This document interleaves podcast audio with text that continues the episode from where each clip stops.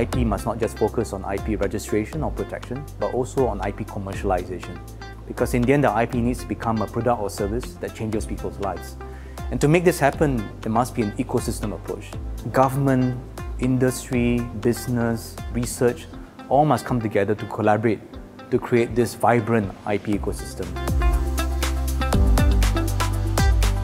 Intellectual property rights are there to recognise genuine contributions of new knowledge, new creative works, and on the other hand to ensure that rights are not absolute. When the public interest is so clearly engaged, surely patent rights cannot be absolute. There has to be a, a balance.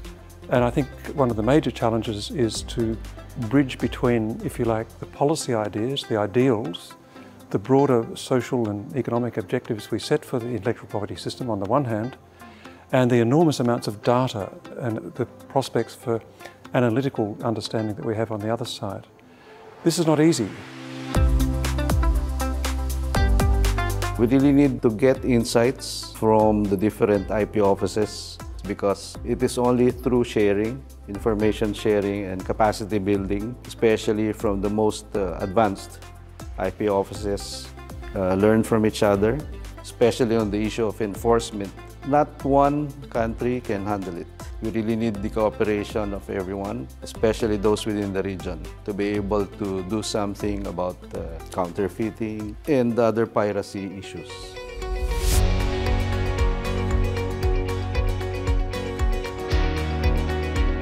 Trade secrets. That is one type of intellectual property.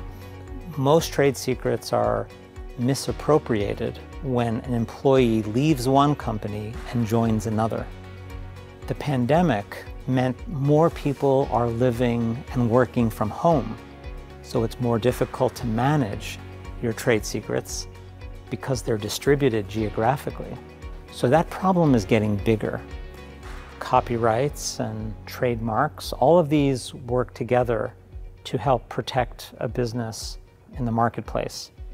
And especially if you're doing business internationally, these rules and laws vary from country to country. So how to balance all of these factors across all of these jurisdictions is very, very difficult. IP has traditionally been a, a legal right, but it's now becoming more and more of a business asset. For example, the top 5,000 uh, companies in Hong Kong, the combined brand value is already $100 billion. If you look at the companies on the Hong Kong Stock Exchange, many of the companies, for example, Tencent and others, uh, have more of their value in IP and intangible assets than in hard assets because these companies are built around innovation, technology, new ideas and new brands. Many people have mistaken that the metaverse is simply about social interaction. In all factory right now is going towards using a digital twins, what we call industry metaverse. In order to product, improve the productivities and also to improve the efficiency of the factory in order to have an intelligent agent they require AI's algorithms, and the AI algorithms is an IP, is a is assets. We are going to see a lot of different companies going to build various IP for various things, from chairs to human beings to robotics to uh, machinery, also machinery, autonomous vehicles, and so forth. So IP business is going to be huge in this space.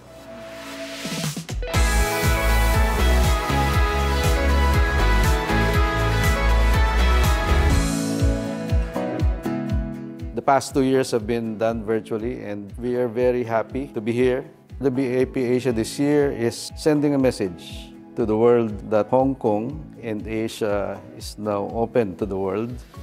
I was very impressed by the quality of the speakers and the content of the panels. Uh, really interesting, diverse views from across Asia and even outside of Asia, like myself.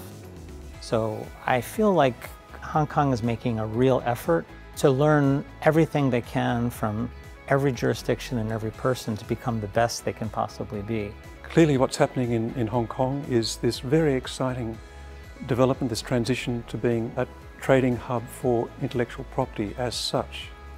And it's that experience that, in fact, quite literally inspired us uh, in the World Trade Organization to develop a a project, and I'm, I'm showing it the, this work on trade in knowledge.